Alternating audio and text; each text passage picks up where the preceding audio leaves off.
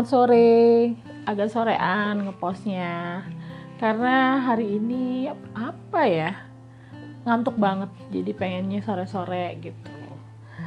Uh, apa yang mau diomongin sekarang? Oh, yang diomongin sekarang mungkin lanjutan kemarin. Kemarin kan tentang ya akhirnya setelah enam tahun dan perjuangan uh, saya punya anak gitu kan, laki lagi. Um, sekarang saya mau ceritakan the first six months. Nah, waktu hamil itu uh, ipar saya kasih buku What to Expect When You Are Expecting. Sayangnya karena keadaan kehamilan saya enggak menyenangkan, saya enggak baca sama sekali itu buku. Nah, akhirnya karena waktu itu kan kita nggak ada yang bantuin ya, maksudnya istilahnya karena keadaan apartemen kita yang cuma satu kamar, kita tidak me hire uh, babysitter gitu. Terus juga orang tua nggak bisa bantu. Kita basically berdua doang. Pada dasarnya kita cuma berdua. Terus kan kita bingung gitu kan. Apalagi saya saya paling benar-benar blow on banget. Jadi nah suami saya tuh memang itulah ya. Maksudnya makanya saya pengen anak saya tuh ikut pramuka gitu ya.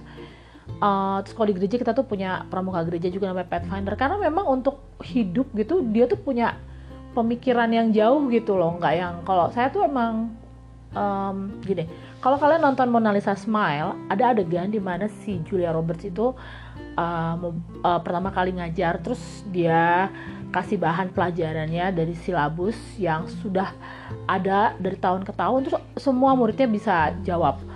Nah karena mereka emang textbook banget. Nah pada saat si Julia Roberts ngerubah tiba-tiba ketahuan dong si murid-muridnya itu uh, apa ya uh, mereka nggak bisa berpikir di luar uh, kebiasaan gitu kan. Nah kreatif nah itu yang terjadi sama saya gitu ya. Udah saya tuh emang bener-bener orangnya ya uh, kalau ada masalah kayak gini gimana ya cari alternatif? Nah saya belajar dari suami saya.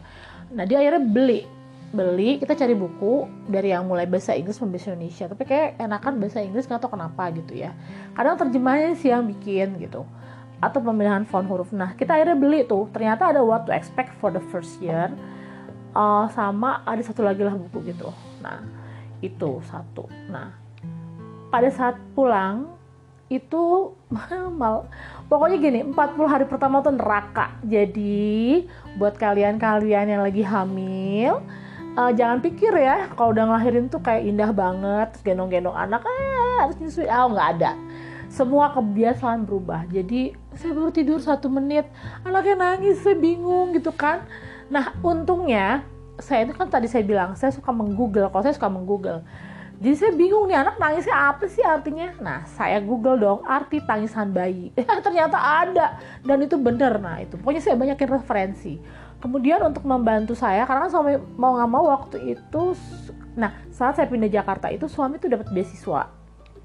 Nanti saya ceritain deh nah uh, tentang beasiswa suami saya ini.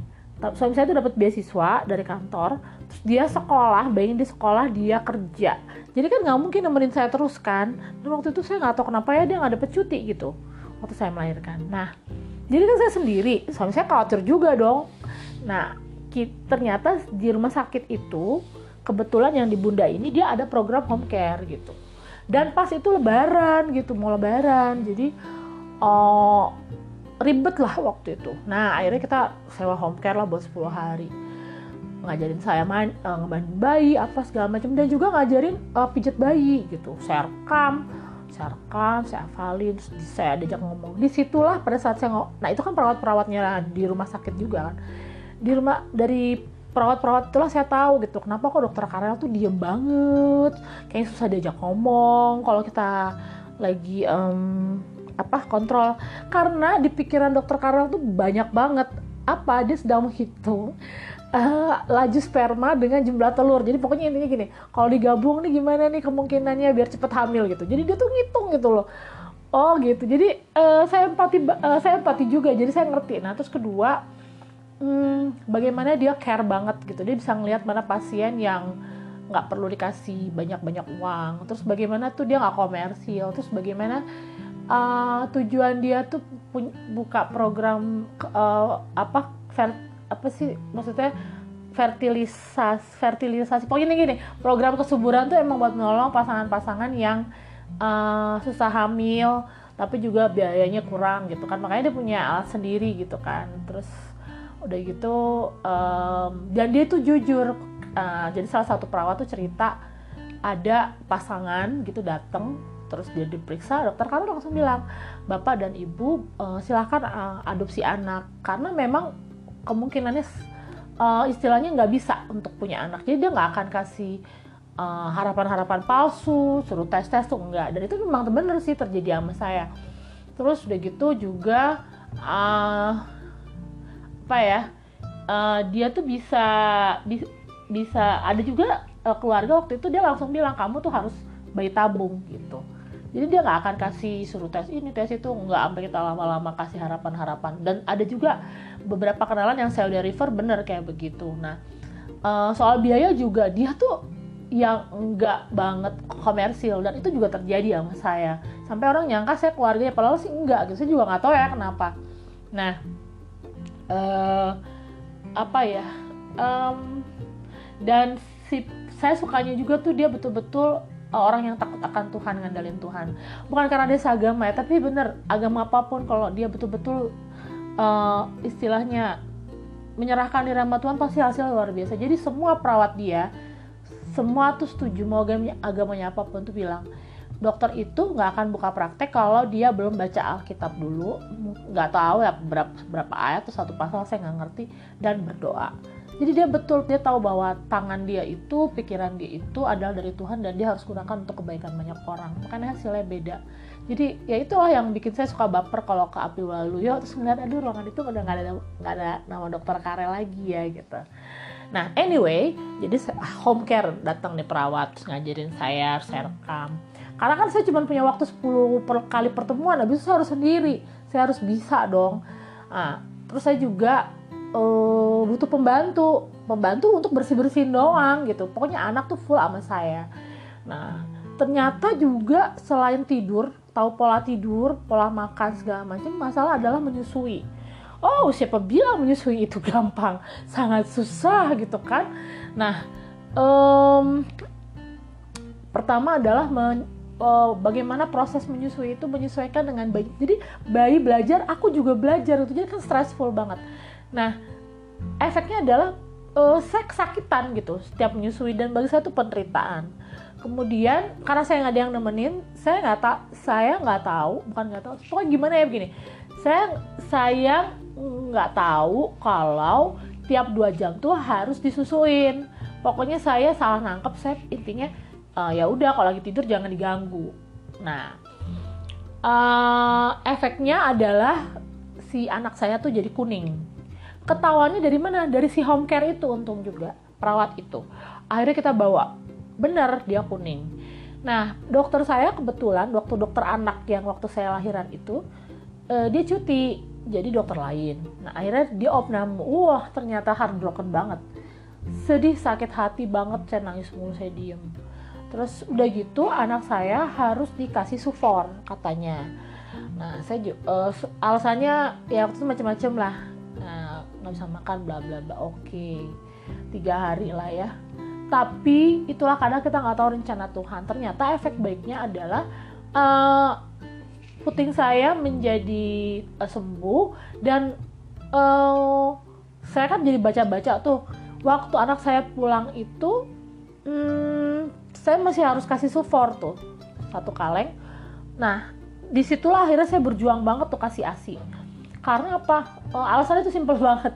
Dia mengeluarkan uh, dia buang air besar dan bau banget bau banget. Kayak bener-bener udah dewasa. Dan bilang oh nggak bisa. Nih anak harus uh, aku susuin.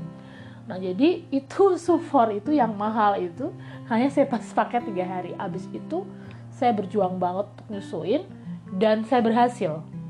Berhasil loh. Uh, sampai um, dia umur 2 tahun 8 bulan. Nah keberhasilannya kenapa ada lagi juga sih sebenarnya bukan gara-gara itu. Nah udah nih uh, kan harus kontrol. Ternyata dokter masih cuti. Saya ada temen yang baik gitu ya namanya Ina. Uh, Ina punya Ina ternyata dokter anaknya tuh di, di, di situ. Dia bilang ke dokter Tiwi aja. Oh sekarang mah dokter Tiwi terkenal. Dan bisa diakses loh di mana-mana. Oh dia tuh begini begini begini. Oh ya udah akhirnya saya nggak ada pilihan karena dokter saya nggak datang. Dan saya harus tanggal itu harus kontrol anak saya. Ya udah saya datang saya diomelin loh dokter Tiwi karena katanya telat. Loh kan dok tanggal segini saya nggak ngerti gini gini udah. Anyway saya lupakan saya nurut aja sama dia. Hmm, terus pas dia ngeliat yang kuning itu dia bilang kalau itu saya ke saya saya sih nggak akan suruh opname. Saya ke Nicu saya sih akan suruh ibu untuk nyusuin tapi ibu kontrol tiap hari.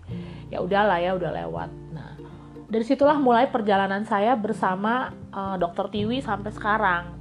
Nah sampai sekarang jadi dokter anak saya. Jadi di situlah saya juga mulai menemukan bahwa dalam hidup ini kita harus punya support system. Nah, pertama adalah si home care itu perawat-perawat home care itu support system saya. Pembantu saya tuh saya menurut saya tuh support system apa? Saya nggak perlu mikirin rumah gitu. Saya hanya mikirin anak saya. Nah jadi uh, di situlah uh, saya mulai menikmati menyusui bersama anak saya. Satu hari saya dengar anak saya napas saya nggak enak. Akhirnya saya kan kan khawatir namanya ibu muda sendiri gitu ya. Tahu nggak apa yang terjadi? Saya telepon suami saya kita dari kuningan kita ke bintaro ke rumahnya.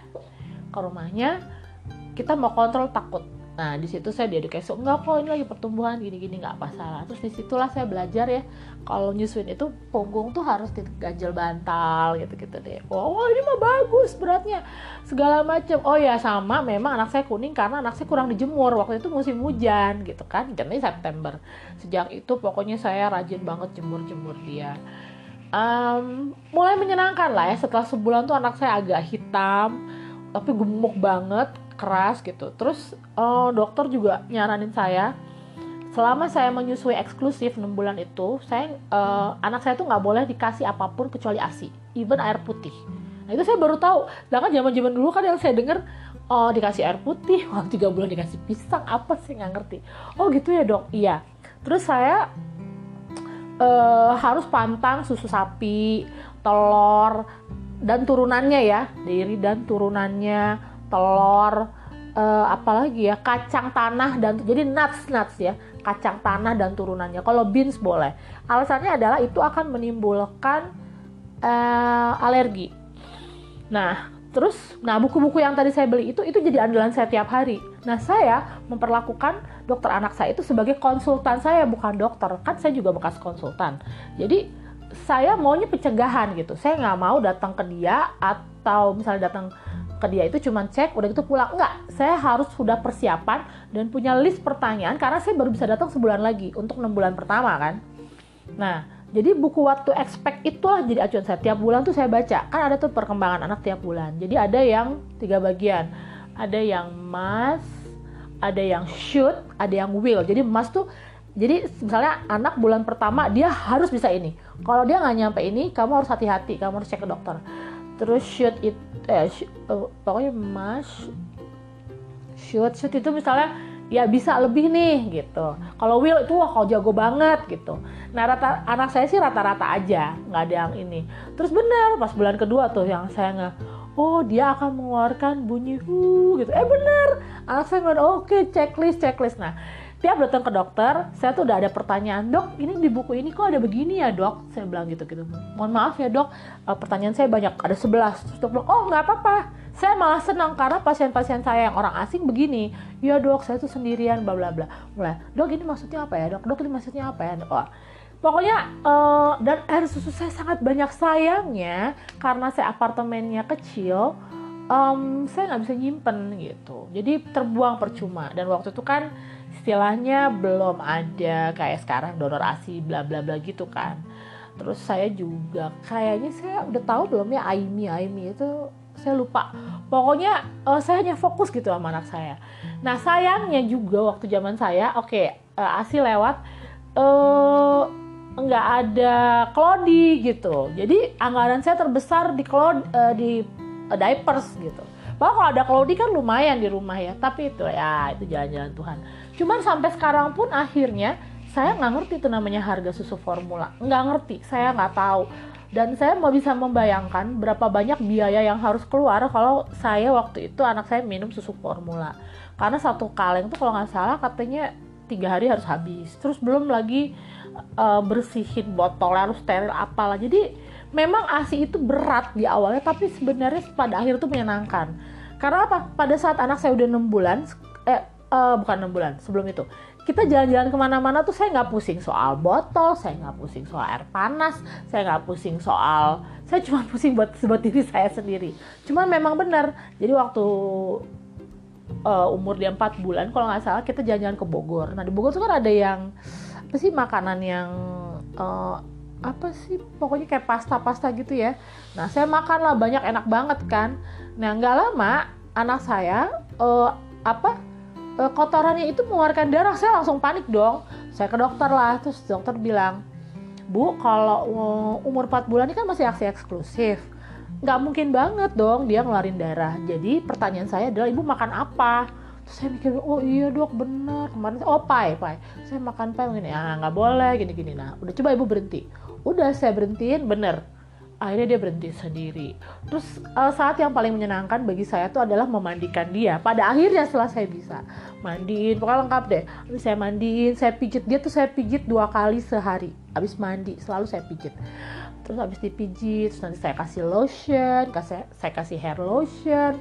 Terus dan memang benar sih uh, pada saat dipijit itu dia memang menyusunya sangat sangat lahap. Nah terus ke, karena di apartemen ada kolam renang jadi umur tiga bulan tuh saya udah bawa ke kolam renang pakai yang di leher. Terus dia uh, ini apa uh, berenang. Terus kemudian juga dokter ajarin saya step-stepnya misalnya pas umur berapa dia udah mulai bisa di ini lagi gitu gitu deh. Uh, efeknya ya kaki dia memang kuat gitu udah mulai olahraga. Terus katanya dokter juga nggak boleh tidur terlalu malam harus dimulai dibikin. Karena apa? Nanti kalau dia udah sekolah nanti dia udah terbiasa tidur cepet. Itu dan itu bener. Dan ini nasihat banget yang sangat relevan sekarang banget. Dia bilang gini ingat ya bu dua tahun pertama tidak boleh ada screen. Hah, kita kaget dong. Karena saya suka nyusuin depan TV bukan apa pas saya kesepian. Saya sendiri terus pikiran suka ke mana-mana. Oh gitu dok. Kenapa? Iya screen itu nggak boleh bu. Untuk dua tahun pertama pengaruhnya banyak. Wah begini nanti begini begini begini. Oh gitu ya dok. Iya. Loh sekarang gini bu. Apa yang ibu inginkan supaya terjadi sama anak ibu ibu harus lakukan. Oh ya udah. Uh, kan memang suami saya dah awalnya bilang lu jangan jangan uh, apa jangan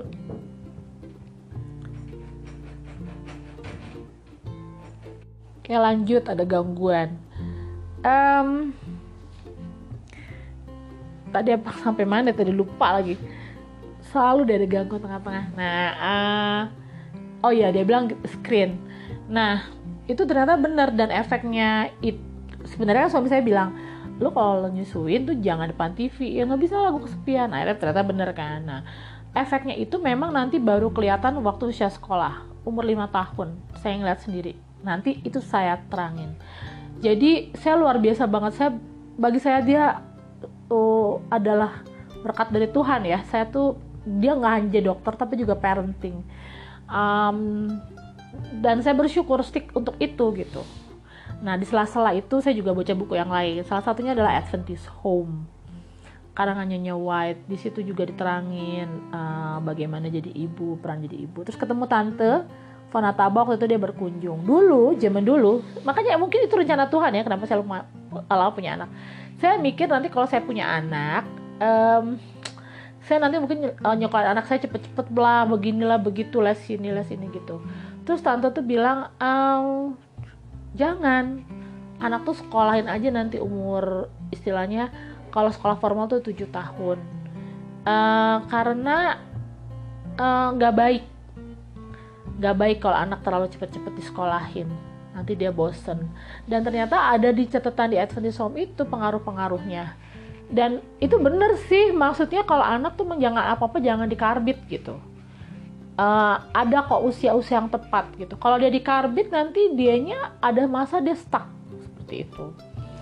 Uh, 6 bulan itu lumayan lah ya. Uh, apa saya setelah 40 hari neraka itu saya menikmati um, motherhood katanya banyak-banyak foto uh, terus memang dia gendut banget dan lucu. Dan ada foto dia tuh ya yang kita foto di studio sekarang masih masih ada di HP saya gitu ya.